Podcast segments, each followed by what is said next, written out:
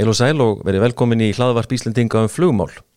Gestur þáttorins á að baki langan feril í fluginu og hefur meðal annars haft aðkomu að mörgum flugfélögum á ferlinum.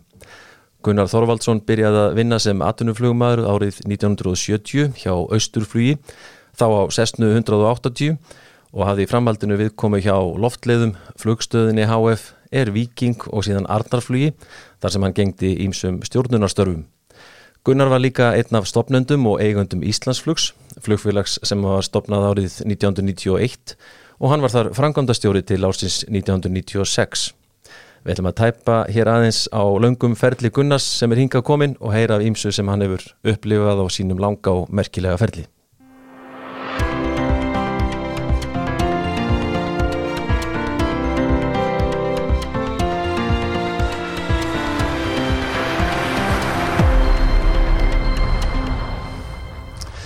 Já, hann er mættur í flugvarpið Gunnar Þorvaldsson ég tillaði bara flugstjóri, er það ekki, Gunni? Já, jú, jú, ég hef verið það einhver ár. Þú er búin að vera það í nokkur ár, já. Verður velkomin í þáttinn. Takk fyrir það. Um, Þú ert uh, fyrir nokkur síðan búin að hérna, eins og menn segja setast í þennan Helga Stein Ójú, satt? ójú, Er hérna, það er góðu stein það er góðu stein Já, já, er, er langt síðan að, að þú hérna fóst í þann farvegin? Já, það er svona sex ár síðan. Sko, flugminn hættar 65 Emitt Ég keipti svona skipa og kvótasölu til að dunda við þá mútti ég var 70 og þá hætti ég bara og fór að einbetta mér að leika við konuna og barnaböndin Já. Og er það svona það sem að þú hefst hel, helst að dunda við já, þessi dærin? Já, þá má segja það, það sé, það er njótið forgangs. Þú finnur þið semst alltaf, alltaf nóg fyrir stafni Já, það er svo merkild, ég held að það sé bara eigi mjög við um svona flesta gamlingja sko, og maður vaknar á mótnana nánast með blank og blað fyrir fram að sig sko, Mm. en svo að kvöldi þá ertu bara búin að gera helling og, og hérna og vesinast og, og þetta er bara nóg til þess að gera lífi skemmtilegt og gaman. Já En þú sagði nú hér áður en við byrjuðum að þú ert nú að glíma líka við svona aðeins óskemmtilegt verkefni sem þú fegst í fangið Já, þakka þér að spyrja það. Ég hérna greindist fyrir þrem fjórum árum með krabba minn Mm. og því hefur svo bara verið haldið niðri með töflum og sprautum og svo allt innu fór það að sækja í sig veðrið. Þannig að nú er ég komin í svona svo kallaða meðferð og meðferðinni fylgja alls konar aukaverkir. Ég reyndast bara hef sloppið sko, mjög vel úr þessu, út úr þessu og, og hérna og ég held að sko þegar að krabba minn var mert var talað um krabba minn fyrir svona 20 árum síðan Mm. þá var það þínast döðadómur það er það alls ekki í dag. Þetta er bara, ég veit um fólk til hægri og einstri sem hefur fengið krabba minn og, og bara stokkið út í því þessir og ánæðir og ég eh, ætla að gera það semst mánamótin mæjúni Já, þá, þá meðferð að vera lokið. Já, bara með fyrir lokið og Já. við erum búin að panta ykkur siglingu og ætlum bara halda upp á þetta með reist. auðvitað, akkurat taka þessu bara eins og hverju eru verkefni já, já, já. Já, vel gert En uh, hérna eins og ég kom nú að í ingangnum þá þú ert búin að hafa aðkoma að mörgum flugfélögum svona gegnum tíðina og kannski koma því aðeins og eftir en, en svona við byrjum aðeins á að fara yfir kannski aðeins bara upprunnan og, og, og hvaðan þú ert Já, takk fyrir það. Ég, ég kalla mig alltaf a- akureyring. Eh, þó var ég, ég bjóð þar svona meira og minna til já, 15 ára aldurst á flutust fóreldra mínir til Danmerkur.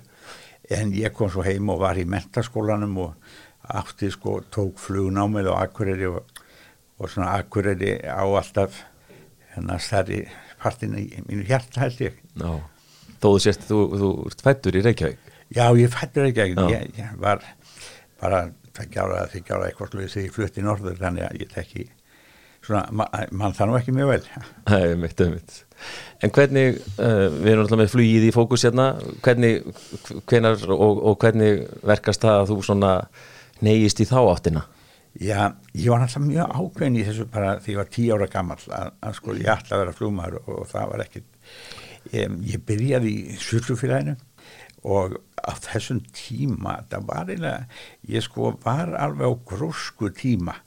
Argrimur Jóhansson var fyrsti formaður og, og síðan kom út Snædal, báðir voru svona miklir hérna leiðtóar og hérna og drifur þetta áfram. Og þegar lengra var komið í hérna engaflugnámanu þá var það þannig að, að sko Sufriði var inn á melgjörðismelum að oftan ekki þá fórum við á flugilum Suritir stundum þremur í Halaróðu og þeir sem voru ekki á nefnfjöli sko voru á stélhjóli að það var gætna getið dundus að kera veginn svona hluta leðinni já, já. og þótti alveg aðrið spennandi en hérna og var mjög gaman og ég man aldrei eftir hafi það var neitt óhap út af því.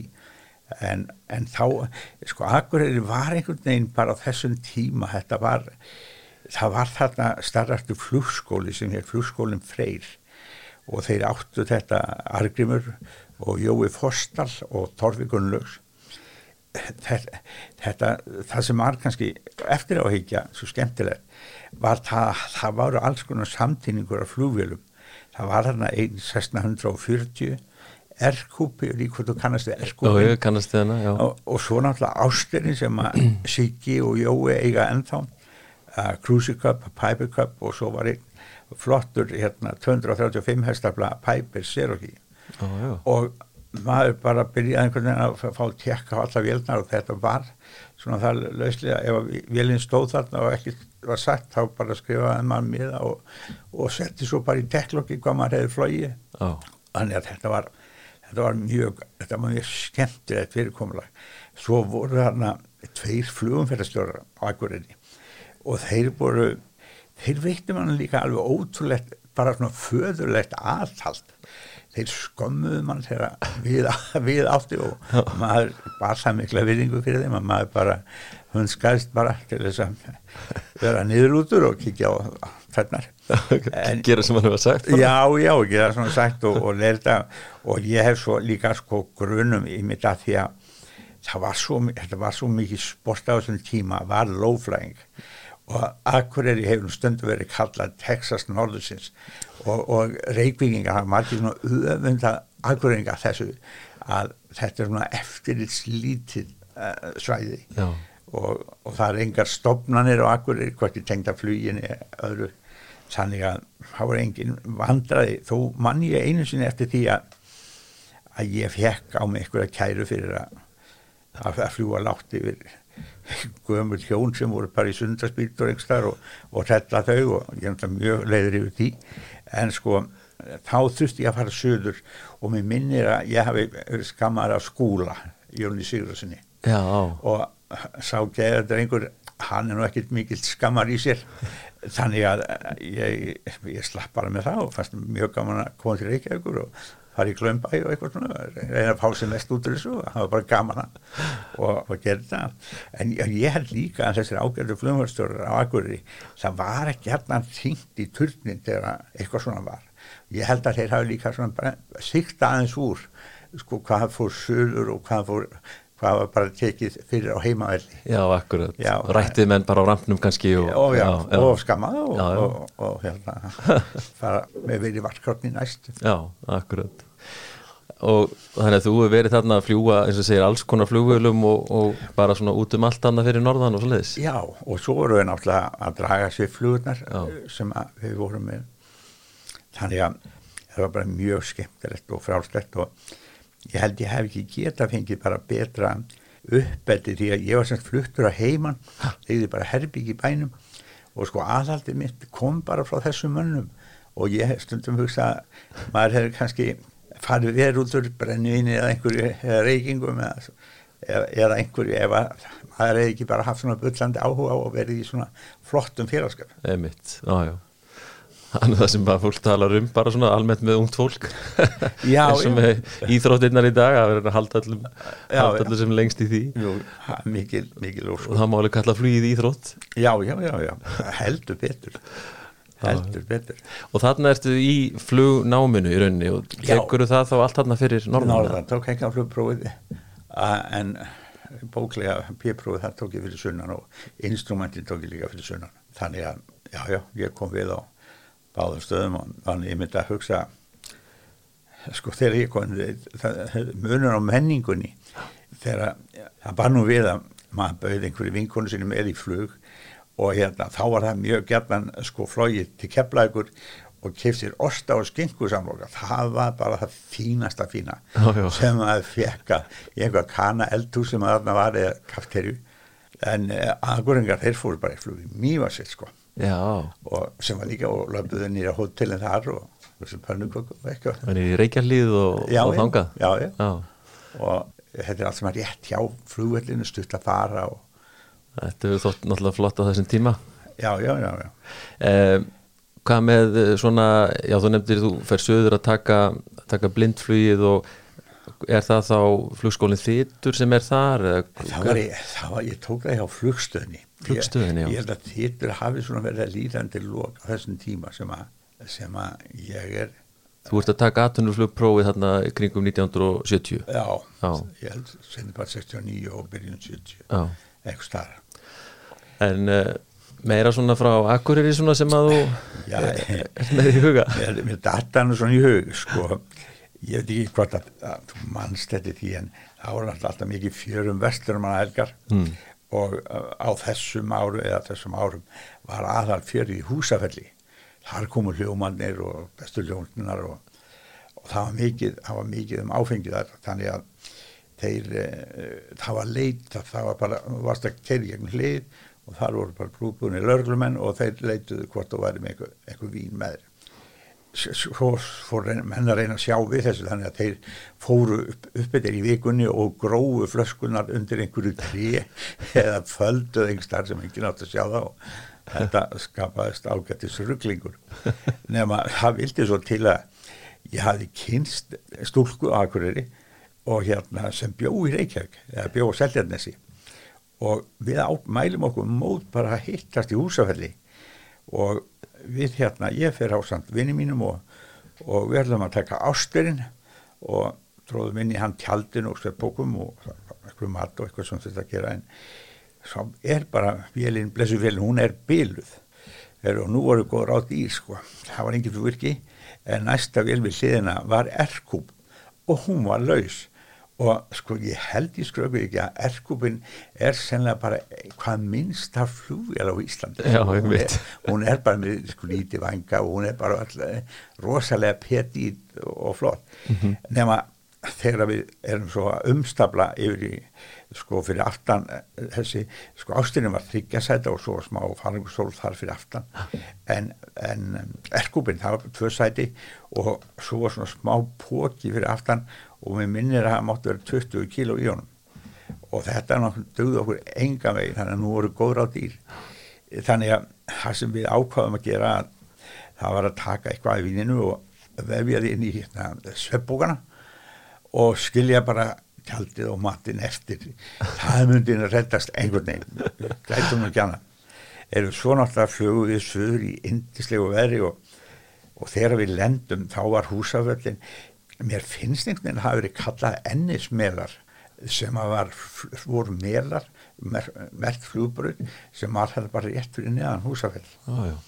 Erðu, og þegar við lendum þá bara stormar að þarna lauruglubíl og út, út kemur svona krúbúðum laurugla og gott að sjá ykkur strákar, velkomnir. Við erum búin að býða eftir ykkur.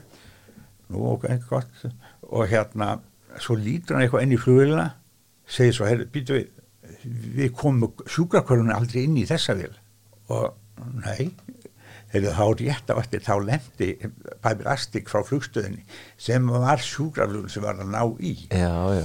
þannig að þetta bara var því fínasti miskilningur og allir hlófu bara þessu og svo hjálpuðust við að setja börurnar yfir og fengum svo far með löggunni inn í húsafell með sveppbókana og vínið.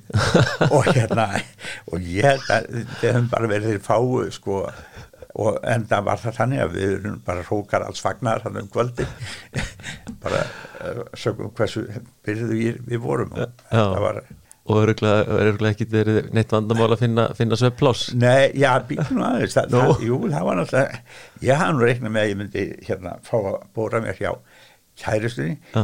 sem er reynda svo sama og ég er búin að vera giftur í 52 ár í dag sko. Þannig að þetta var þetta var nema það voru jú einhverju vinir hennar og eitthvað svona. Þannig við ákveðum að leggjast undir rútu bara í söpbókunum og það er hérna stór rúta og, og hérna og við ákveðum að leggja okkur þar og svo heyrðu, svo, svo sopna við og hérna allt í unum miðanótt maður þá heyrum við svakara djöfus háa og svartan reik þá hafði bílstórin honum var bara kallt hann svaf í rútunni, þá var honum bara kallt þá sett hann rútukvikindi í gang og við sváum hann eða bara rétt við undir pústinu.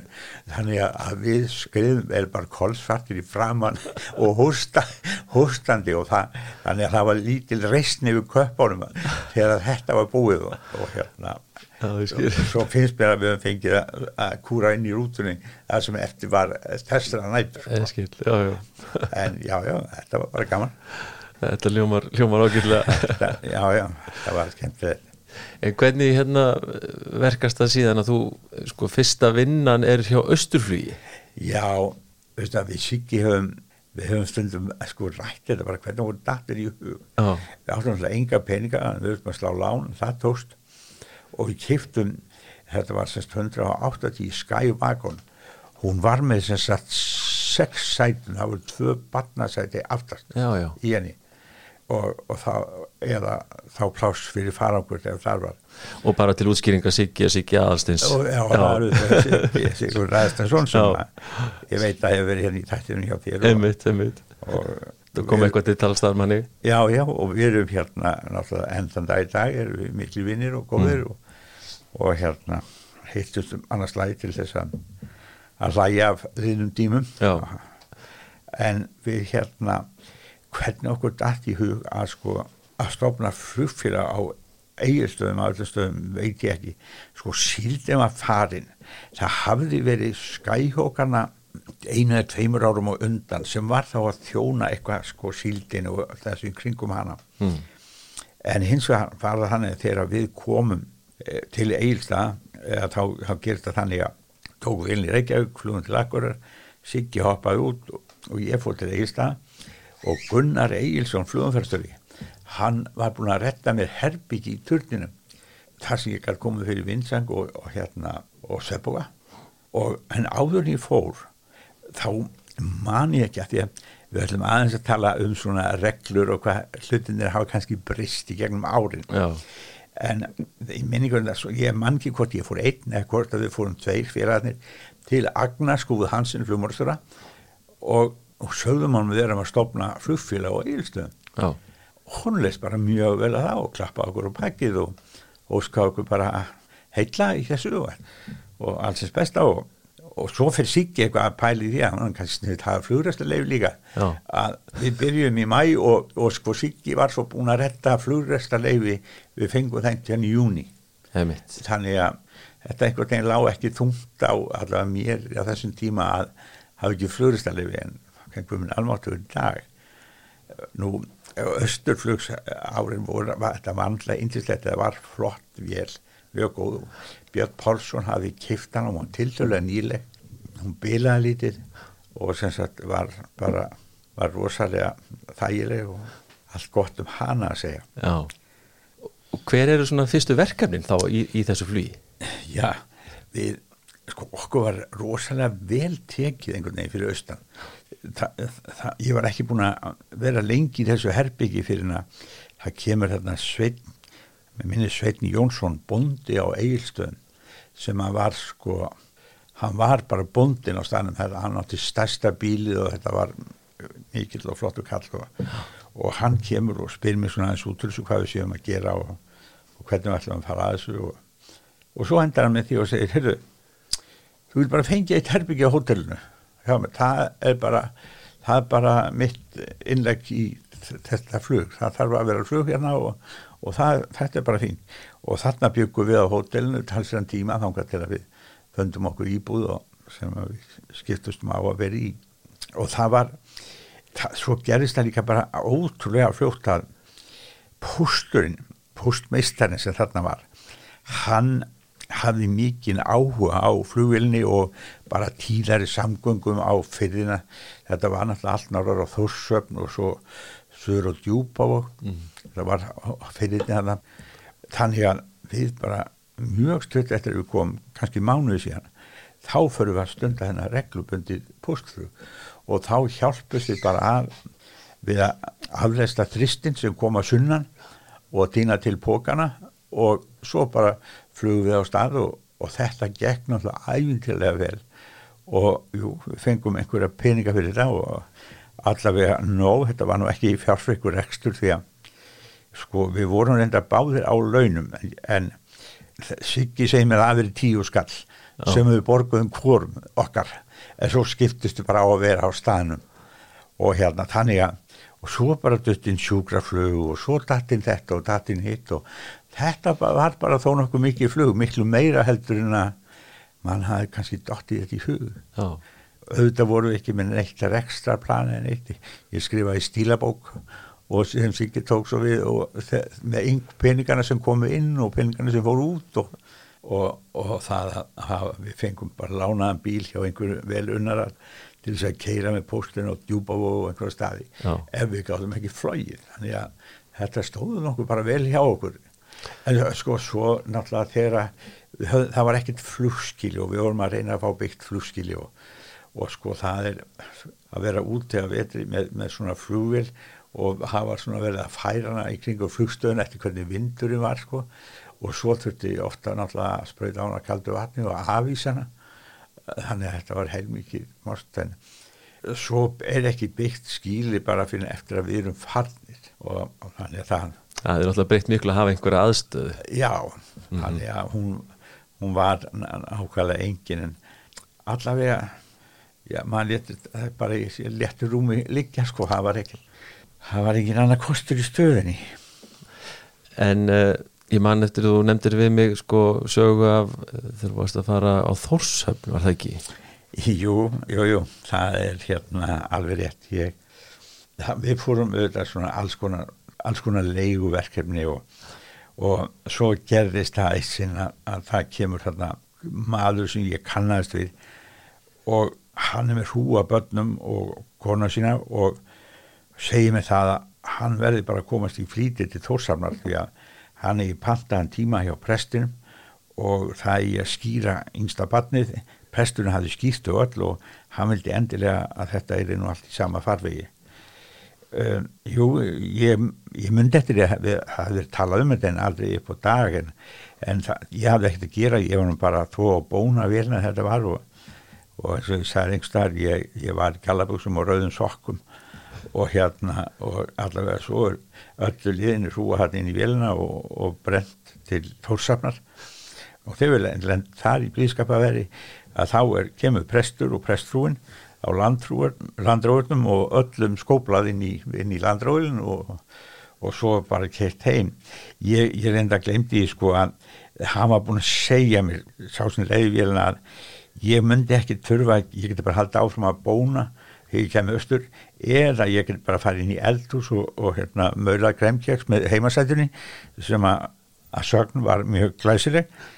Um, en hvaðan það þegar við komum upp til þá er prestfrúin ansi ákveðin kona og hún hérna stillir þessu upp.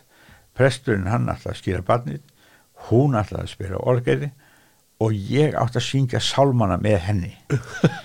Og ég sko ég, ég, ég, ég bara kunni ekki að snúa mig út úr þessar stöðu. Þetta var, þetta, við vorum ekki svo mörg og það var ekki annað í bóði þannig að ég stó bara við hliðina á frúni og, og, og fletti sálmabókinu og sönga hjartans list með henni og, en ég, það fóru svona margar hugsanir í gegnum huga minn sko hvort að þetta væri akkurat lífið sem að ég hefði kosið mér að lífa að sko verða svona sveitaflumadur og, og þess á milli að fá smá, smá aukadjóp við að syngja sálma. En hérna en sem, þetta gerist ekki aftur og, og þetta var indislegt þetta, var bara í minningunni þá var þetta fínt að þetta gerist bara gaman að því. Þetta er ekki hérna einmitt staðalmyndin af flumarinu með reypaninni Nei, nei það var það var alls ekki sko. Og eins og ég sagði einhvers staðar að pappi minn var vevari og mér datta í hug bara þarna sem stóð kirkti gólunum hvort að ég ætti bara ekki að snúa mér að vefnaði og hætta þessari flugvillisu en sem betur fært þá var ekki neitt að því og Æ, helst áfram, ótröður verður þetta, er þetta langlíft svona æfintýri hjá ykkur? eða? Nei, það var það ekki og það kemur til að því að ég, mig langa alltaf að fara suður og, og búa fyrir sunnan. Siggi var svona meira dreifbílis hugsandi, hann, hann vildi helst vera á Akureyri og það fór svo að ég, mér bauðst vinna hjá loftöðum sem sílingafræðingur og, og við hefum báðir sko tekið þetta námskeið að vera sílingafræðingar, það var eiginlega aðgöngum megin að flugmannsætunni hjá loftöðum var það að fara í sílingafræði og, og fljúa þar einhvers, einhvers sumar, þannig að þannig að ég fer og bara einhvern tvei mánuðum eftir þá hérna þá fær Siggi vinnu hjá Tryggva Helgasinni og hann uh, fær mann sem ég kannu ekki að nefna til að reka þetta fyrir okkur. En svo er þetta bara eins og allt annað. Ef þú ert ekki á kafi þessu sjálfur þá bara þá er ekkert víst þetta gangi og þa þannig var það. Það var aðeins fyrir að halla undan og við bara ákvæmum að stýta félaginu selja vilna sem við gerðum og, og núna líkur því miður sem brak í Grænlandi Nú þessi vel, já. já, Já, já. eftir æfintilega ferð þangað með íslenskum ofurhugum og hérna þannig, að, að, þannig var það, þannig fór hún bara úr okkar eigu og, og það, það með, þar með búið sko. En þarna er rosa mikið gróska þetta er náttúrulega sami tímin og hörður er að byrja fyrir vestan og, og, og, og það var náttúrulega heilmikið að því hann náttúrulega held bara áfram í því Já, já, mikil óskum og er ennað. Og er ennað já, já, bara, hann er náttúrulega bara frábælega dúlir og þau hjón. Já, já. Þannig þetta er, þetta er svona einmitt, þetta postflug einmitt er að koma inn þarna á þessum tíma og, og, og svoleiðis Já. á svona báðum endum landsins. Já, og þetta var sko sko pústurinn bara leiði vélina. Ef við seldum, gáðum selt einhver, einhver í sæti ef var pláss þá máttu við taka þá peninga. Þannig að þetta var svolítið flott þetta var bara og mér finnst ekkit að við hefum verið kúaðir til að að verið prúttan eitt mikið sko. Við bara sögðum einhverja tölu sem okkur hans bara líklega og, og, og það bara gekk Það svona gekk. saman og, já, já, og það hafi bara verið svona sangjur einhver sangjur tala. En þú fættir til loftliða segiru og, og svona uh, ert, ertu þar Já, ég- dágóðan tíma? Nei, ég það er bara því miður eitt sumar Já. og það kom til að því að bæði var hérna, loftið að hætta með Monsana og eins var INS að koma í velnar og leysa, komist í átturnar og var að leysa silingafræðinga af hólmi. Þannig að ég held að hafa verið kannski eitt ár eftir ég hætti, þá voru allir silingafræðingar farnir frá borði. Einmitt. Og, Og bara tæknin búin að leysa það af hólmi. nákvæmlega og það er náttúrulega það er eh, kannski fyndið til þess að hugsa sko að, að í monsónum og sérstaklega, þú þekkir þetta nú þar sem þú ert að fljúa í tækjamanna kokkviti, Já.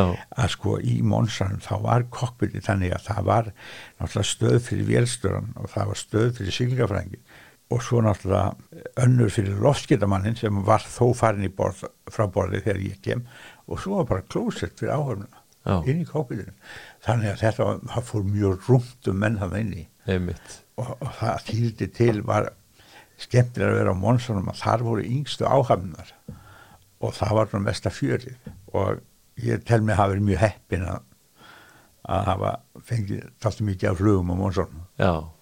En störfið þín þarna hjá uh, loftlöðum, þau svona kannski leiða þig síðan áfram í þá í, flugstöðina já, eða hvað? já, þá fekk ég þá fekk ég vinnu hjá flugstöðin hjá Eliassi Jónssoni og það var mjög gaman. Það, þeir voru með, eða flugstöðin var með nokkra kennsluverar 150 og Skyoka svo voru þeir líka með Aztec 310 og Apache setna Navajo. Þannig að við vorum eina viku vorum við í kennslu og næstu viku vorum við í leiguflugi og þessu var svona skipt einhvern veginn á milli okkar. Og uh, Verið svolítið fjölbreytt vinna. já, já, hún var það. Hún var það. Þetta, þetta var alltaf mikið hang sko, komin túr og ekki komin túr og, og ja, það er annað sem ég skil ekki heldur enn þann dag í dag að hérna að við fórum, ég held alltaf einir sko, en það var auðvitað engin ástæð til þess, við vorum kannski þrýra, fjórir, en þessi hérna hann var á sjúkraflugsvægt og þá skildi hann bara fara sjúkraflug sko, hinnir gerði bara að fara heim og kvilt sig. Og, og svo bara mann ég einhvern tíðan eftir því að, að það ringir einhver læknir af vestan svo Patró minni mig og, og hann er að að tókvart við hefum vél og júi hún til og, og hann segir neða já það er gott að vita því en ég ætla nú aðeins að býða og svo náttúrulega býður hann og býður og ringir samt og svona og svo náttúrulega passaði akkur við vorum að fara heim og komum myrkur. Þá hann og segir jú er það við verðum bara að hafa sjúkraflug og sá sem að átti að, að fara í sjúkraflug það var náttúrulega ekki par káldur yfir þessu. Þetta var náttúrulega menn gerði sér kannski ekki alltaf grein fyrir því lakna út af landi þetta var kannski ákveðina áhætta líka að vera að fara þarna í myrkri í sjónflugi sko. eins og til dæmis síðan pata og en allavega hann reikspólaði þarna á skrifstónu í nokkra ringi og svo leitt hann reyðilega á okkur og sagði eitthvað að þá leið ef, ef helvítið er ekki alvarlega veikur þá drefi hann. Og það var svona bara en, svo bara náðan í mannin og sem betur fyrir fyrir auðmyggjast manni það var bara hundveikur og, og hann lifði þetta allt, saman og já, þannig að þetta var Þannig að hugsaði hann að þörfin annars. Já, já, já, já. Já, en þetta hefur verið alls konar verkefni sem að þið eruð í hjá flugstöðinni Já, og mjög skemmtir þetta því við fórum við fórum, það var þó nokkuð mikið til Granlands, eh, Skórsbysund og, og, og Vestarvíkur eh, með vístaleðungra Já, þannig að það, það var mikið, það, það var heil mikið tilbreyting í þessu, má segja bara. Um, hvað, ertu lengi í þarna? Já, svo nefnilega gerist það sem að verður svo bara líkillin að næstu, næstu hörð. Að, ein, hérna, hvað með þetta, þá kemur, þá kemur Elísi til mér og segir, við erum að taka þetta nýja nefnda og hann er svolítið fullorinn og þú ætti að passa hann og fara vel með hann. Þetta var guðni í sunnu, en sko á þessum tíma þá voru svona aðeins tvær ferðarskistofur, það var sunna og útsýn, Ingólu útsýn og Guðni sunna og báðir voru svona miklir karakterar og hérna og voru alltaf miklir anstæðingar og jújú, jú, við Guðnum förum í nokkur flug og svo allt inn að segja við mig, heyrðum ég var að kaupa tvær flugurar út í Ameríku og ég ætla bara að stopna flugfélag og ættu til ég að koma að vinna hjá mér? Ég, ég held ég aldrei séð já fljótt eins og ég gerði þá. Og hérna og af varð hann sagði svo við mig heyrðu, getur ekki fundið einhvern flugstjóra fyrir mig? Svo ég hringdi í Argrim, hann var rétt góðan til Luxemburgar hann var tilbúin að koma heim. heyrðu, og svo var bara haldið til Denver á námskið við hérna voru kiftar hjá United og United var með stóran maintenance base í Denver. Þeir voru líka nýbúin að opna svona nýtt þjálfunar training center og hérna sem var alveg rosalega stórt og mikið. Og, og við förum þar ég hafði aldrei lesið sko dikkari bókaldun sko 1650 manjólin sko og svo komu náttúrulega allir þessir dáðrandar með vélni og ég held að ég hafi verið allt sumarið að blada í þessum manjólum og komast inn í þetta. En svo, svo var það hitt sem var svolítið sérstat sko það var ekki til simulator. Nei, og þannig að við fórum og flugum upp í Colorado Springs frá Denver og þar voru bara æfingarna teknar og, og slöftamótor og, og hitt og þetta prófað hitt og þetta prófað og svo lent. Og svo bara fenguðu bara passan og goodbyes. Er þetta þá Boeing 720? Já, já. 720 vélinn hún var, hún var ekki hönnum örg inntæk en og ég held flest að farið til United. Þau voru að til til lík og 707 að þessari minni tífnarnar 707 að það var aðeins meira svíbakka á vangjónum og það var svo kallar hérna palel jódampir sko þú mátti ekki hafa jódampirin á í flugtæki á lendingu en, en hún átti kannski út af þessu svíbakka vangjónum þá átti hún til að vera bildi óstöðu þannig þú varst búin að koma hérna jódampirum á. Já, já.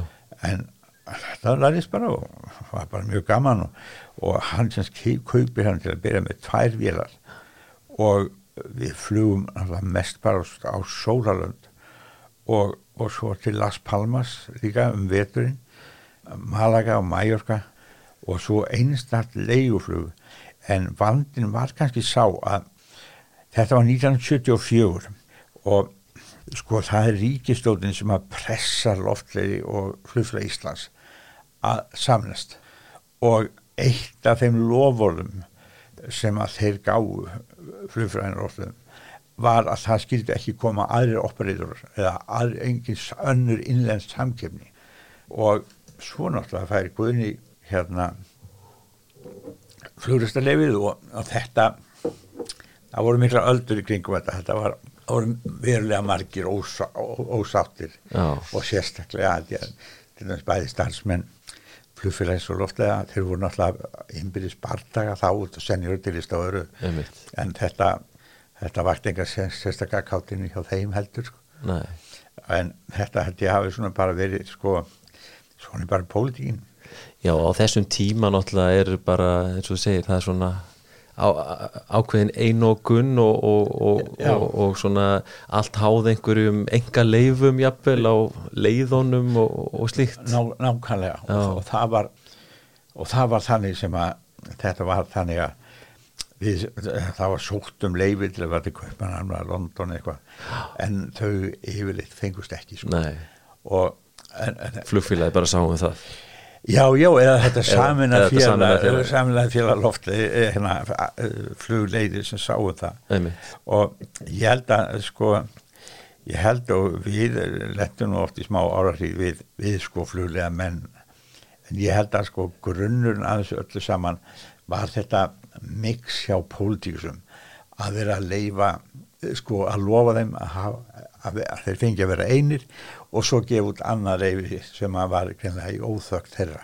Mm og en allavega þetta var allavega bara mikil reynsla og, og þetta var ótrúlega gaman. Þessar vélar það er náttúrulega eittum mjög miklu elsnit og þá nú þessna sem það voru teknar þetta var Fjögra hrifla vélar. fjárheifla vélar Já, já. sangallar útastlótur og, og hérna já já hann já og það, en, en þær voru, voru nýkomnar og stórum viðhaldi hjá United. Þannig að ég held að fyrsta sumari þá fór ekki einn ljósapera. Nei, það var svo flott við þetta topp. já og vélna voru fallegara innan og svona. Konum, það var svona open hatraks en það var aftastíðun þá var svona láns uh, sófi og borð Já, og þetta þótti svakar mörgum þótti þetta mikill mikill stíl sko. Ég skal trúa því. já já. Og ég man auðvitað eins og alltaf vera áður en vélina komi heim þá voru svona einhverju byrjar að tala niður sko að þetta væri einhverju gamla bygglur og gætanótar í Amerikun svo frusu menn bara í drónum þegar þeir sáu hvað þar voru þó fallega sko. Já. En þetta hefur verið svona, já, veist, myndur þú halda að sko öðrum tímum, öðru umhverfi hefði þetta getað gengið? Já, sko, það er svona eitthvað prinsip í hérna, það er bara í flugresti að sko, low capital, high operating, Mm. sko, eða öfugt, high capital, low operating og þess vegna voru þessar vélar svona ódýrar að því það er eittu svo miklu Mm. en það var ekkert það mikið flóið, eftir á higgja er ég ekkert vissum að það hafi verið svo galin hugmynd með þessar vélar að eh, sko yfir veturinn þá held ég að við höfum bara meira og minna verið að fljúa hálsmánalega, þú veist, eitthvað Mhm. bara eitt flug hálsmánalega þannig að Nei, það er ekki, verið, ekki, ekki margir tímanir svo leiðis. Nei, það voru ekki margir tímar en svo, en svo bara því miður þá fór sko, þetta var líka orðið mjög pólitist sko, hann Guðni hérna var stuttur mjög að verkalýsreifingunni og, og það verið að bjóða upp á alls konar verkalýsferðir ódýrar verkalýsferðir og, og við vorum að kafi að fljúa þessu Mm. Og þetta er sko, svo það sé nú sagt, félagið heitir Er Viking, er það ekki? Jú, Sem að hérna, Guðni í sunnu. sem Guðni sunnu átti og, Átti og já, Já, já. Það er merkilegt að ykkar leiðir líka saman að þú átt að fara að kenna honum að fljúa. þetta er bara þetta er eina af þessu tilvíðin sem að kemur fyrir okkur flest eða öll að maður allar eitthvað en svo bara að maður veit að þá maður var koni eitthvað annað það er kannski miklu betra. En, en þetta, eins og segir, þetta er náttúrulega á ekki, ekki langa líftíð svo sem þannig. Nei, það Og- er eftir ég held að hafi verið eitt og hálft ár og er það þá svona upp úr þessu svolítið kjarnin sem að stopnar Arnarflug? Arnarflug, já. Já. og það var sko oljufélagið er sko ég hugsa sambandið allt sem slík, það styrti guðna í þessu.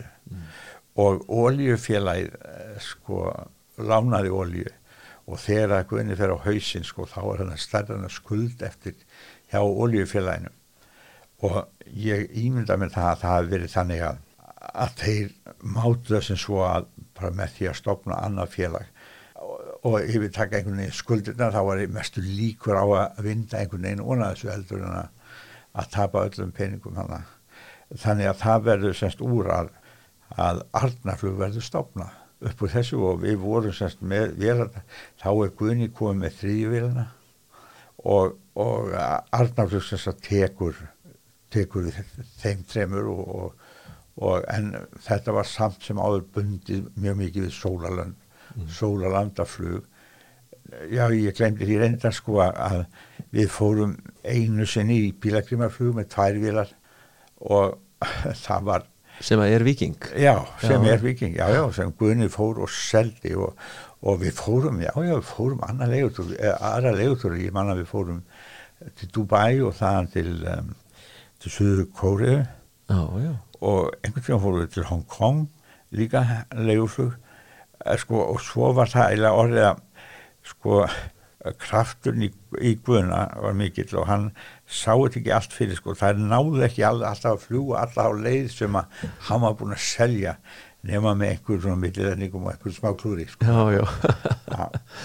Það er náttúrulega farið misvel í, í kaupendunda Já, já, já, það lítur að hafa gert það. Ég, svo verður það þannig úr að, að ég fer ansi oft með guðna út þegar hann er að selja flug svona bara til að reikna, sko, er þetta bara mögulega hægt og þessar vélar voru það kraftlíklar það, þær voru ekki til limitera, það var eiginlega bara þannig að þegar varst komin í einhverja hæð að þá bara, þá var allt, allt árið raut á ekki tímaðilun og ég manna sko hann í Afríku þegar við vorum þar að þá kom það allavega mér mjög spátt fyrir sjónir að bara í 27.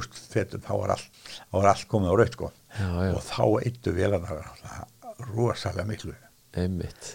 En allavega þetta tóst og með því að mittilenda og, og, hann er þetta bjargaðist bara eins og og það er alveg staðið sig svo leiðis þessar vélar. Það gerði það svo þegar Arnarflug er búið að vera starfast í kannski eitt ár þá kaupið félagið Boeing 720B og það er, þá eru þær konar með stóra fanmótora og það er bara sko það var bara he- heitasta vélina þessum tíma sko, hún var svo mikil performer og, og hérna og þar flugum við náttúrulega bara áfram út um allt og hinnar var vélunum var bara að feysa út seldar minni mig að Mhm. hafi verið og, og þannig hafi þær horfið Já. En svona stemmingin svona þessi kringum Arnarflugs uh, stopnunina og svona þetta allt sem hann var hún ekki daldið einstök. Jú, hún var einstök og hann alltaf mjög góð. Og ég held sko að hluti af því var það að stjórnvöld voru að berja á okkur með reglum millibili. Flugleir voru að því líka. Og hérna þannig að þetta þétti bara hópin Mhm. og, og fólk bara, bara gekk meira saman, lagði meira á sig til þess að klára túrin og, og hérna þannig að, já, já, þannig að það var bara eindislegu mólar, sko. Þetta verið svona upplifinu svolítið að þetta væri svolítið lítilmagnin Já, akkurat bara litli Davíð hérna og góli að innum heim í gerðinguna. Þetta var bara svo leys, já, já. og sko Arnarflug eins og segir er kannski fyrst og fremst í sólanlandaflugum og, og, og slíku en einhverjum leiguflugsverkefnum já, líka Já, já. Við fórum, við vorum talsverðan tíma í, í Kenya og vorum að fljúa það til Indlands og, og eins vorum við náttúrulega í Líbíu. Og þar vorum við með fraktara og við flugum fyrir Ermöldu, já, já, við flugum bara á, mörgum, mörgum stöðum sem var svona reglur. Ég nefndi nú hérna upp að þú hefði verið í stjórnunarstörfum fyrir þetta félag. Hvað, hvaða hlutverkum gengdur þú þarna? Já, það gerir nú þannig að, hjá Arnarflugi þá vantaði allt í nú flugum nei, uh, flugrekstastjóra og úr því varður að ég verði flugrekstastjóri sko það góða í því var sko að ég ennur kannski elinu mín daldi mikill bara fjölskyldu kall og ég sá það að, geta setið við skrifborðið þá þýtti nú kannski eitthvað að minna að vera erlendis og kannski geti verið meira heima og, Mm. og það reyndist alveg rétt. Og svo held þetta nú bara áfram ég verð gerður að aðstofa framkvæmdastjóra þarna og síðan ákveður Magnús Gunnarsson sem var eh, sko framkvæmdastjóri eða fórstjóri fyrir félagin hann ákveður að hætta og, og ég fæði þetta svona í hendurnar. Og þegar ég er búin að vera þarna í eitt ár sem fórstjóri já, eða kannski eitt og hálft ár getur verið að þá sko þá var ég bara hættur að fljúa Já. og það bara að reka fyrirtæki og alltaf að fljúa með ég fekk bara alltaf sektarkendi ég var alltaf að fljúa ég hugsaði, að ég, ég áttur að svara þessum þessu faxi og hinu faxinu og já, það þurfti að gera þetta. Skynsanar að gera allt annað heldur en vera að fljúa til mæjork í dag. Já. þannig að ég bara hætti því og aðri tóku við. Og hvað ertu lengi í þeim stóli? hjá allanflýi Já, ég hugsa, var enn ekki alveg viss ég hugsa að ég hef verið framkvæmstjóri þannig í tvö ár, ég held ég trúa. En svo er ég sem búin að vera aðstofar maður Magnúsar og, og svo flugræstastjóri einmitt. þá líka um þú fylgir Arnarflugi alveg þáka til yfir líkur? hér um byrju það koma mér sko til tveir ef ekki þrýr framkvæmstjóri að þessu eftir að ég fer. Og það er svona það, það voru hann verkefni sem að mér bara geðjast ekki að, ég hafði bara ekki trú á þau og annað var það 7, 27 sem var leið nefnir til Níkarju Já, langaði ekki það, tók ekki tekkina 727 svo hérna svo var farið út í hérna pílagrimaflug með DC 861 Mm. og ég held að bara fjórar að fimm vélar. Og sko það fannst mér alveg forkastanett bara ég kannast við þessar menn sem að hérna sem að voru svona brókerar í þessu. Það er kynstum áður og vissi að þeir voru ekki með gott áspor þannig að og ég held bara að menn séu svona svo sammála um að þess að þetta áttu mál hafi í rauninni verið banabílin bara það sem að kyrði félagið á kaf þarna alltaf er að reyna að uh, keira á pílagrimaflugið Já, Já. átt að gera það Já. og ég sé nú bara í nýleiri pók sem að Pétur Jóð Eiríksson har skrifa að hann er greinlega verðist vera sama sinni Æsland er verðist hafa bóðið í hennar pakka einmitt en hérna þá er kannski lesið þetta sjálfur Já, já. og sé þetta að, að Arnarflug undir, undirböð þetta og, og sko 61 velinn Já, hún var, hún var svo sem engin performer heldur sko, hún, það þurfti 63 velina, það var hún, það var svo vel sem gætt gert eitthvað sko. Mm. Já, já. Þannig að þá, þá bara leðast félagi sundur og, Já, það verður bara ekkert aftur snúið með Já. þetta og þá var ég svona einhverjum mánuðum áður en þetta gerist þá var ég búin að ráða mig til Svíþjóðar. Fórum þrýr frá Arnarflýði til Svíþjóðar og það heit Transvít. Og um, við vorum að tjekka þar menn á 737-200 þegar þetta var félag sem var með MD-80 vélar og það er svo sérstætt eins og það var að í MD-80 vélunum þá komst ekki öllum farangrinum fyrir til dæmis í skýðaflugum einmitt. og þetta var bara bölvað vesinn þannig að þeir ákvaða að fara út í 737-200 og svo kemur 737-300 og ég er svo er mjög vel þar og fannst það bara fín svo fer ég aftur til Tyrklands. Þetta félag, átti félagi Tyrklandi átti hluti félagi.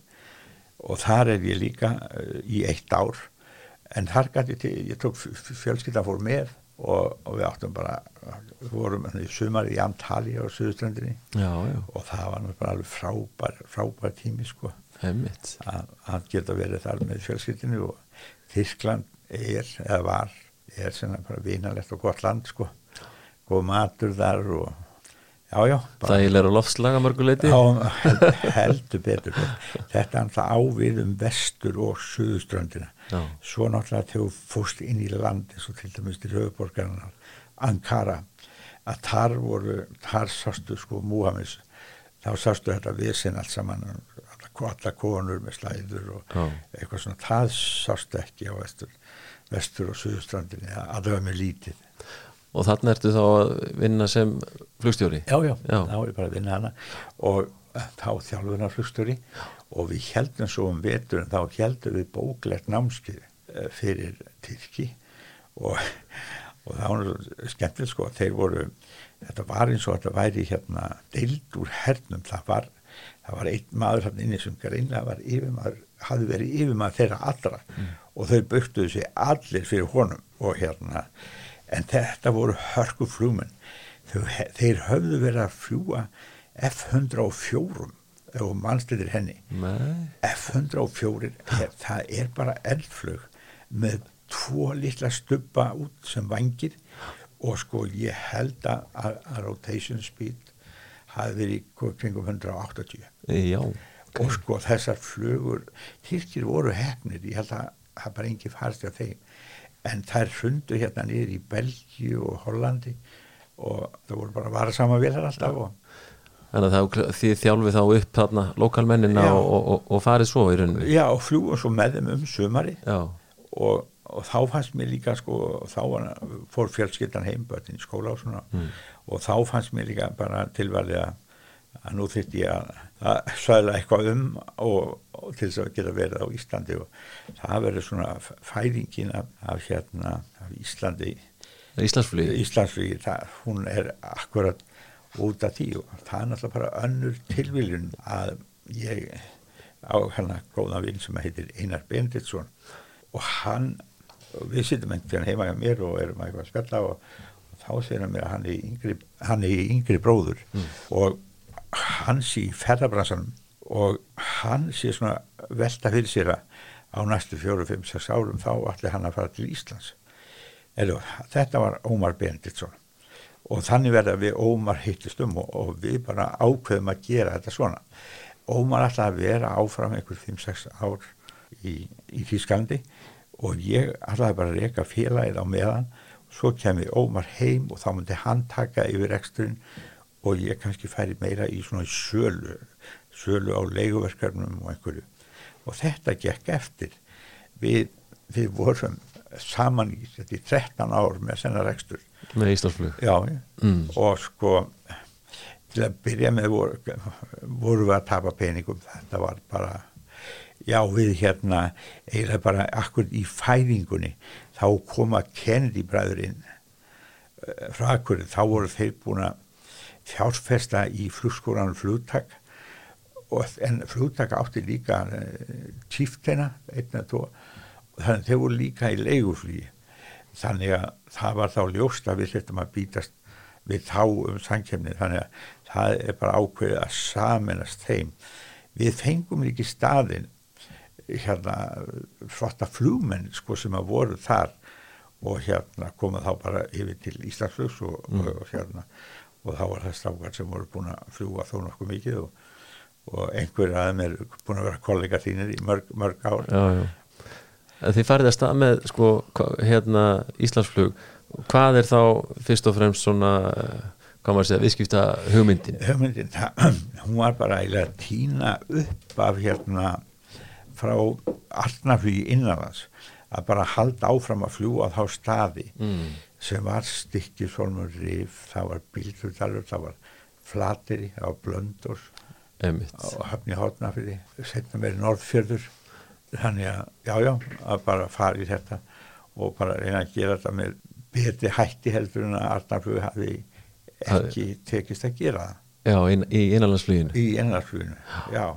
Svo náttúrulega dætt einn og einn auðvitaðanstúrin, það var bara svona eins og bónus ef að það gerist, en, en það gerist, já, já. Og þetta var mikil, sko, lærdómi fyrir mig. Ég hafði náttúrulega verið sko í auðvitaðnarsflugni og verða að fljúa þóttum og hérna og svo allt inn er ég bara komin inn í þetta umhverfi að vera í skúr út á Reykjavíkulverli ja. og, og vera að fljúa og það átti samt ágæðlega viðni með fannst gaman að, að hérna, vera að sísla einhvernum papirum og, og, og reka félagi ja. og gera svo notið frelsisins og stokki út og flógið og það voru svona alls konar allum taktar ég mann til að mynda eftir því þegar eina áallinu sem flugum til það var hérna bíldudalur eh, flateri holdt í undverði og það var Eiki Haralds sem að tekkaði mig út á þá leið.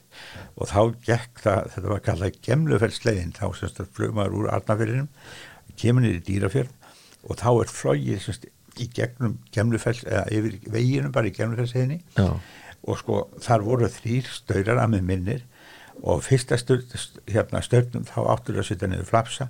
Á öðrum steitnum að þú setja niður hjólinn og þrjastóðinu átt að taka vinstu beigja og bröði mér framann og þetta voru þetta voru þeir búin að vennja sig á og bara gerðu þetta var að gekka alveg ljómandi vel þetta var svona svolítið öðruvísi heldur en ég hafi verið að gera áður. Já, já. en ég séður mjög gaman Ég, ég held ég að maður hefur heyrt einhverja sögur af þessu stöður aðflugina þannig fyrir vestan. Já, já, það, það er ekki það er ekki ólíklegt. Og svo gerði ég þetta ofta að ég kom bara eh, sko, ég kom bara í bráumbuksum og byrjskistu og, og svo þegar vandaði bara flugmann eða flugstöra að þá gæti ég stokkið út og farið og kom, komið aftur. Já.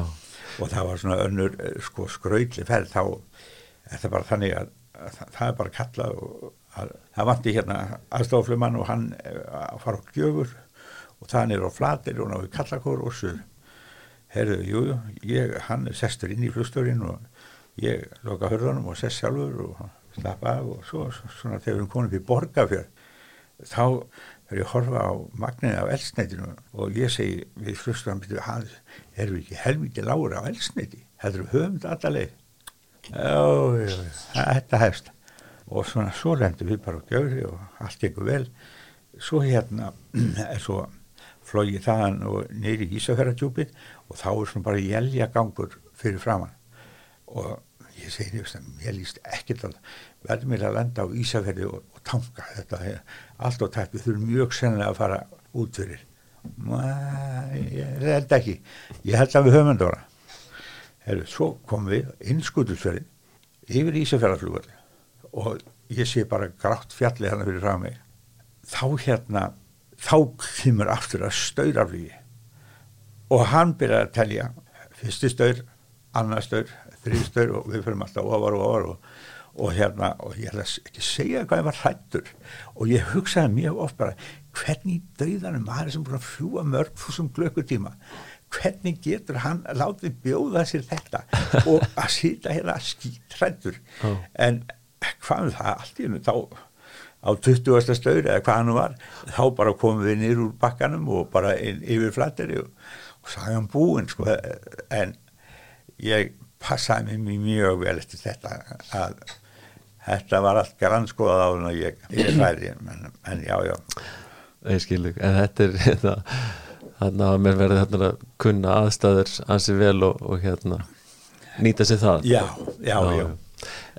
Þetta er á Dornir, er það ekki? Jú og Dornirinn, sko, hún var náttúrulega alveg frábær, fyrst að var hún tildulega hægfleg mm. og líka ræðfleg svo var það þannig að kluggarnir eh, hliðagluggarnir, þeir náðu svona bara, læri mm. en þú sást svo vel úturinni Já, út og niður og niður, því að þá náttúrulega sko, núna ekkert til dæmis komið GPS aðflug og bíldudar en áður þá er bara að fara út á bjartanga og svo bara skriðið inn eftir strandinni og hún var alveg ídeal, var alveg ídeal í þetta Einmitt. af því hún gætt flóið svo hægt og, mm -hmm. og, og þá var alltaf beigjuratíðu sín minni og, og það en, en svona flug er bara sem fer í þáttíð Já, já alltaf, alltaf hérna, haft svolítið svona mikið álit á þessari flugvel þetta lítur af að sko, mörguleiti henda mjög vel í einanlagsflugið alveg rosalega. Bara alveg. eina sem vant að kannski var jafnþristibúnaðurinn nákvæmlega, Þa, það var eina sem menn gáttu fundi hendi fórótt en allt annað var var stórar dýr og þetta var svona kassavagað og gott að hlaða og, og fólki, já, það var hátt í lofts fólki leiði vel inn í þessu sko. En þið eruð ekkit bara í einanlandsfluginu í Íslandsflugi Nei, svo þegar við fyrir maður aftur að sjáum það bara þetta er ekkert að ganga eins og við vildum. Mm. og við vorum ekki svo sem ekki að tapa stórum upphæðum. Og við náðum að jafna þetta einhverja út við vorum með verna Beats 99 velar og við náðum að selja þær ágætsverði en, en það framtíðin var að fara í leigurflúsverkefni þannig að strax og Ómar kemur heim að þá skiptum við um herbyggi og ég fer svo að að leita verkefna. Og sko ég man ekki þegar við hættum. Við vorum alltaf bara í 737 mm. þá varum bara vélarnar sem við kunnum á. Og, og, og þá fór þetta að ganga svolítið vel hjá okkur, þá fór að koma öðrar í kassan og þetta fór að ganga betur. En ég hljópi yfir einn lið áðan hérna, þegar vorum að tala um Arnaflug Já.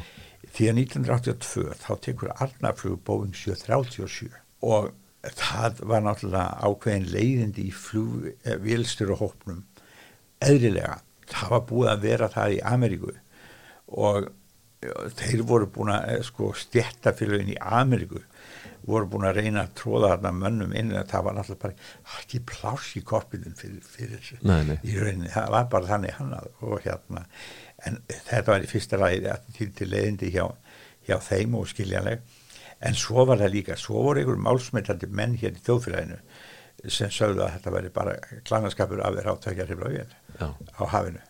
Og það voru svona einhverja bladagreinar sem fjökkum það fram og tilbaka og, og hérna en sem betur fyrir þá, þá er þetta nú bara eins og það er í dag. Já, þykir ekki tiltökum mál Nei, nei Eða eina sem blífur. Já, eina sem blífur, já, já, já, já. Svona breytaslinnir Já, já, já, mikið, mikið óskum En eh, Íslandsflug fer síðan út í 37 reksturinn og, og en svo gerist það í framhaldin að, að Íslandsflug og Atlanta fara svona í, í samkrull eða hvað?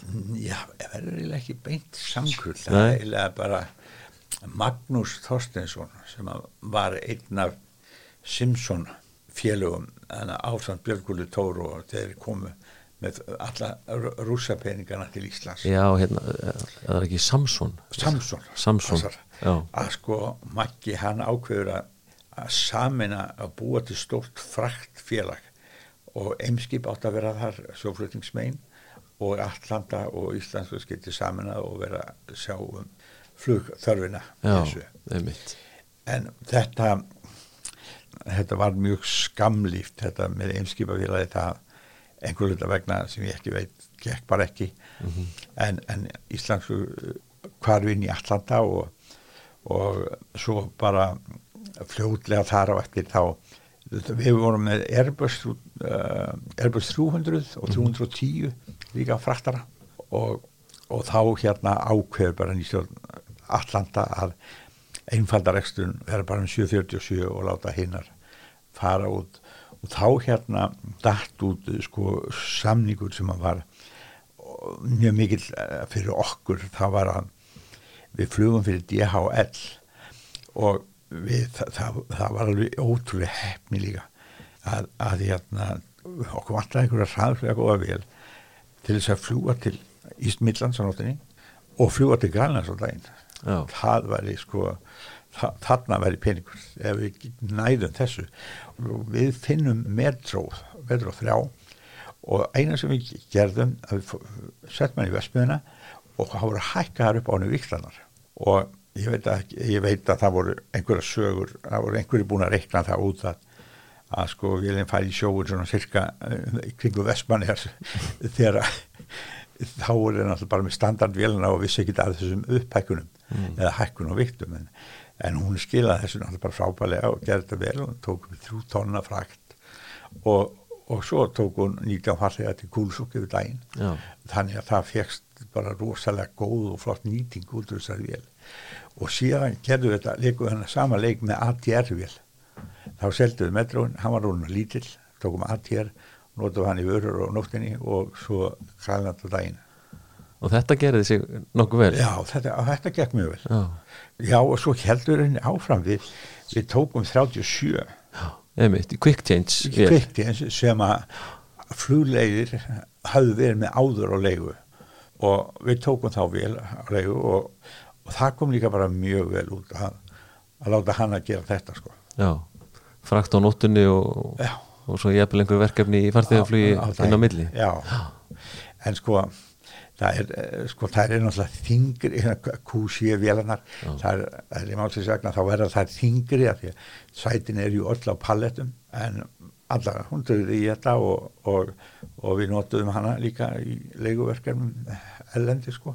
En við þegar mest var þá vorum við með fimm vélar hjá DHL og það var rosalega góðir hérna það var góður leigutæki það var bara flott fólk og sko það var aldrei verið að slást um það var aldrei neitt harða prútt og nokkuð hlut, þetta var bara við höfum ágætt út þessu þeir höfðu það líka sko, mm -hmm. það, var, það var bara svolítið vinn-vinn í þessu. En þessar velar henduðu akkurat sko á þessari leið til Brussel, Dubai það, það var akkurat það var rammi fyrir þær. Ömmitt Já, en þú sko þegar að svona Íslandsflug hverfur inn í Atlanta þá svona í framhald af því er það þá svona sem þú kúplar þig út úr svona atunuflugsrekstri eða hvað? Já, já, já, þá hætti ég, ég bara, hættir, Ómar var áfram eitt ár hjá Atlanta og ég fór bara að fljúa hjá með það 37 ára sko. Já. og það var allt gert bara í ágættu samlindi. Og Atlanta gengur vel í dag? Og gengur mjög vel í dag og og það reksturinn hafi öruglega breyst mjög mikið á síðustu árum eins og gengur. Já, já, mikið ósköp en ég held að þeir hafi já, ég veit ekki hvað er marga vil er ekki 30 vilar eða einhver ósköp sko. Nei, ég þekki það bara ekki mitt það, er, það, það fer ekki mikið það fer ekki mikið fyrir þeim svona í nei, umræðinni nei, en, en þeir eru alltaf já En uh, þú hefur verið mikið í gegnum tíðin alltaf í engafluginu líka, er það ekki? Jú, ég hef það ég hérna ég sagði þann að ég hef kannski verið meiri fjölskyldum aður heldur en flugum aður mm. en við áttum uh, sko eiginlega flugvél allt okkar bara allt okkar hjúskap allt okkar hjúskapar tíð Já. og við vorum mjög dúlega að fara í útilegu og þá varum mest farið á skælannum DGA og það var náttúrulega ótrúlega sko, burða mikið vel sko við fórum með stelpunar okkar fylgdu, settu svo tjaldi og svepp á drastlið og hendu svo hundinum vona og allt saman Já. og svo bara brent í loftið og farið fari í Norriland eða sem var farið og, og þetta var náttúrulega bara ævintýrlega gaman og áttum margar góðar stundir í því Já. svo átti ég líka Piper Chieftain sem ég leigði inn til, til Íslandsfljóks tíumbili og þannig að við fórum svona fjölskylduferðir til Breitlands eða til útlanda Á henni? Já, já. Já, vel gert. Og hérna, já, já, það var bara líka alveg rosalega skemmtilegt sko, að vera bara með familíuna. Já, bara í sín enga vél. Já, já. Já, það verið upplifun að gera það. Já, já, það var það. Það var hérna, manna fór til Englands og þá vil svo til að þau komum skiptust á að sitta við hliðin á mér, þú veist, ég hæra sæti og þegar einhvern veginn eftir færi að þá sest hendabáði hjá mér og segist að lesa rosalega spennandi bók sem að gerist á Isle of Man og allt innu kviknar svo hugmynd að fara til Isle of Man í staðan fyrir Glasgow. Og svo ég fæna það bara flugplanum breytt og við fórum á Isle of Man og vorum þar í tvo daga til þess að býða eftir við ætlaðum að vera á ákveðnu stað í Amali og þá var þetta tiltölulega nálægt og það var mjög gaman að koma til æl og þetta sína enn og aftur hvað þetta er mikið frjálsræði Já. að hafa flugir sem það getur bara Mikið að mikið Já. Þú varst líka lengi vel með Dornir, var það ekki? Svona enga vel? Nei, Nei ég... það var ég ekki Argrimur er eini sem ég veit Nenni og Halli Snæ Já. hann átti en ég átti hins vegar vél eða átti hluti vél sem hér Neivion, getur verið að það sé að rugglast og að því að þú nefndir einhvers þar hvað getur verið uppáhaldsvélinn þín Já. þá gæti það akkurat verið þessi Neivion sko stuttasagan er svo að framlegandin á, á hérna Mustang.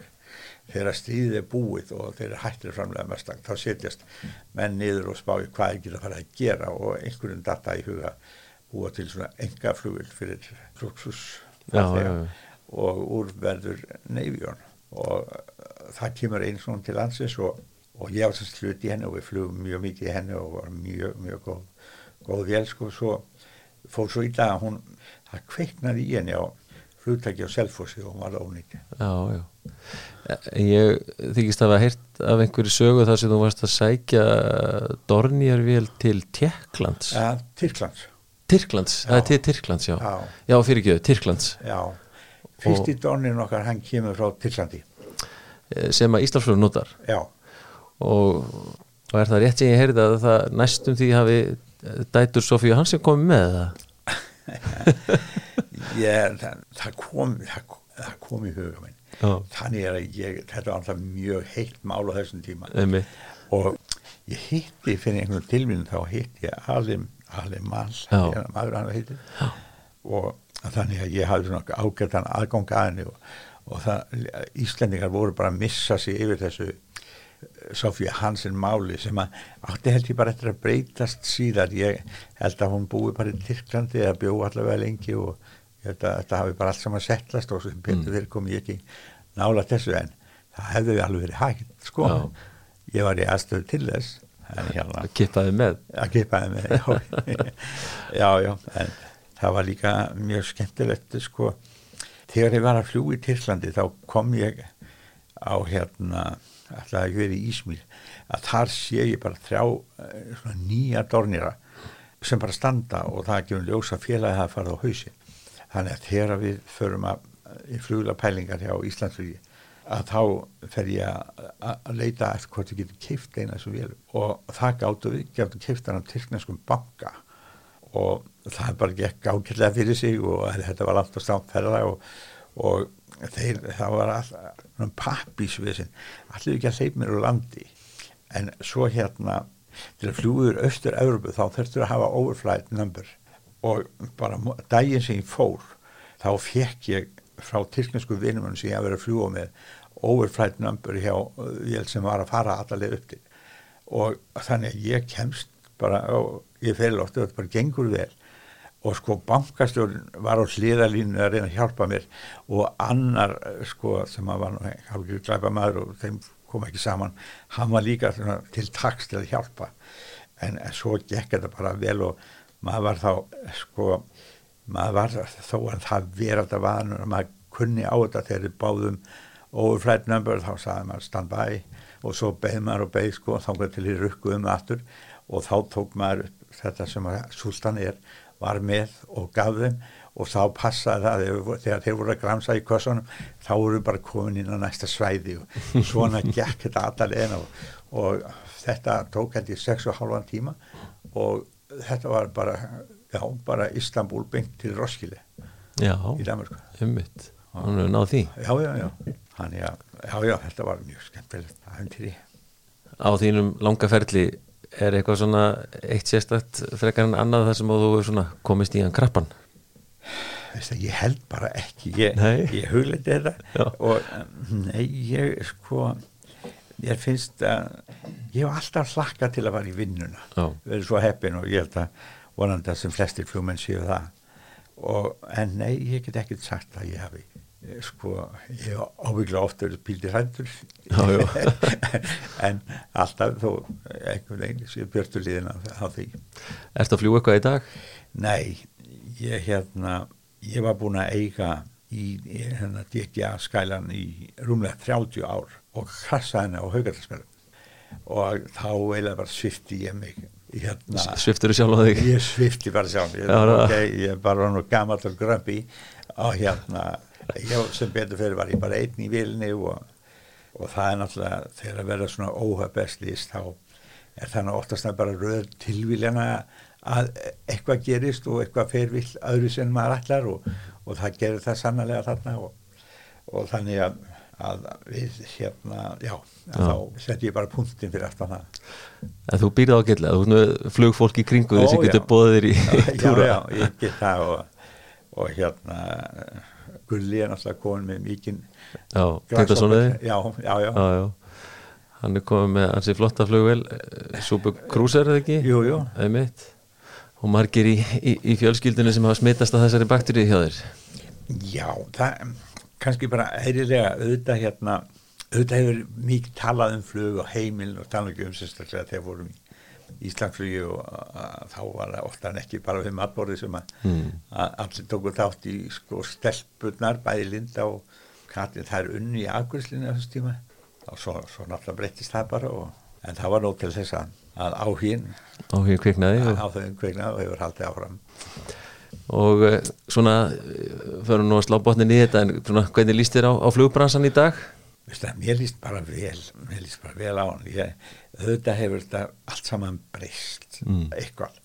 En þessi þetta free sky policy að menn getur flúið hversin þið vilja eða vilja flúið, það finnst mér líst vel á það. Ég hérna mér finnst sumar reglur sem við erum alltaf við EASA reglur, mér finnst það rastnarlega oh. bara það er bara, er eitt orðið það, mér finnst það bara astnalega Já. og hérna og áður en að ja, kom, þá var það jólað að sko sem var líka svolítið sérstætt sko. Þannig kannski tala maðurinn með bakgrunnin í frjálsræðinu fyrir norðan og... Ak Akkurat, ég veit ekki hvort að maður sé akkurat besti maðurinn yfir til þess að það lýsa þessu. Og núna Jú, ekki spurning. Það sem ég er ekkert í þessu lengur þá bara er nefnilega saman það reglur. Akkurat. Það er bara meðangum með vinnu mínu þegar það er best í tal. Já, einmitt. Algjörlega. Herri, við erum búin að fara víða í þessu og, og hérna ég þakka bara kærlega fyrir að koma og gefa þið tíma okkur og segja okkur frá aðeins. Herru, bara Hinum. takk hérlega fyrir mig, takk fyrir búið. Og gangið vel í, í verkefninu framöndan Já, herru, takk fyrir það. Flugvarpi kveðu þá að sinni og þar til næst. Góða stundir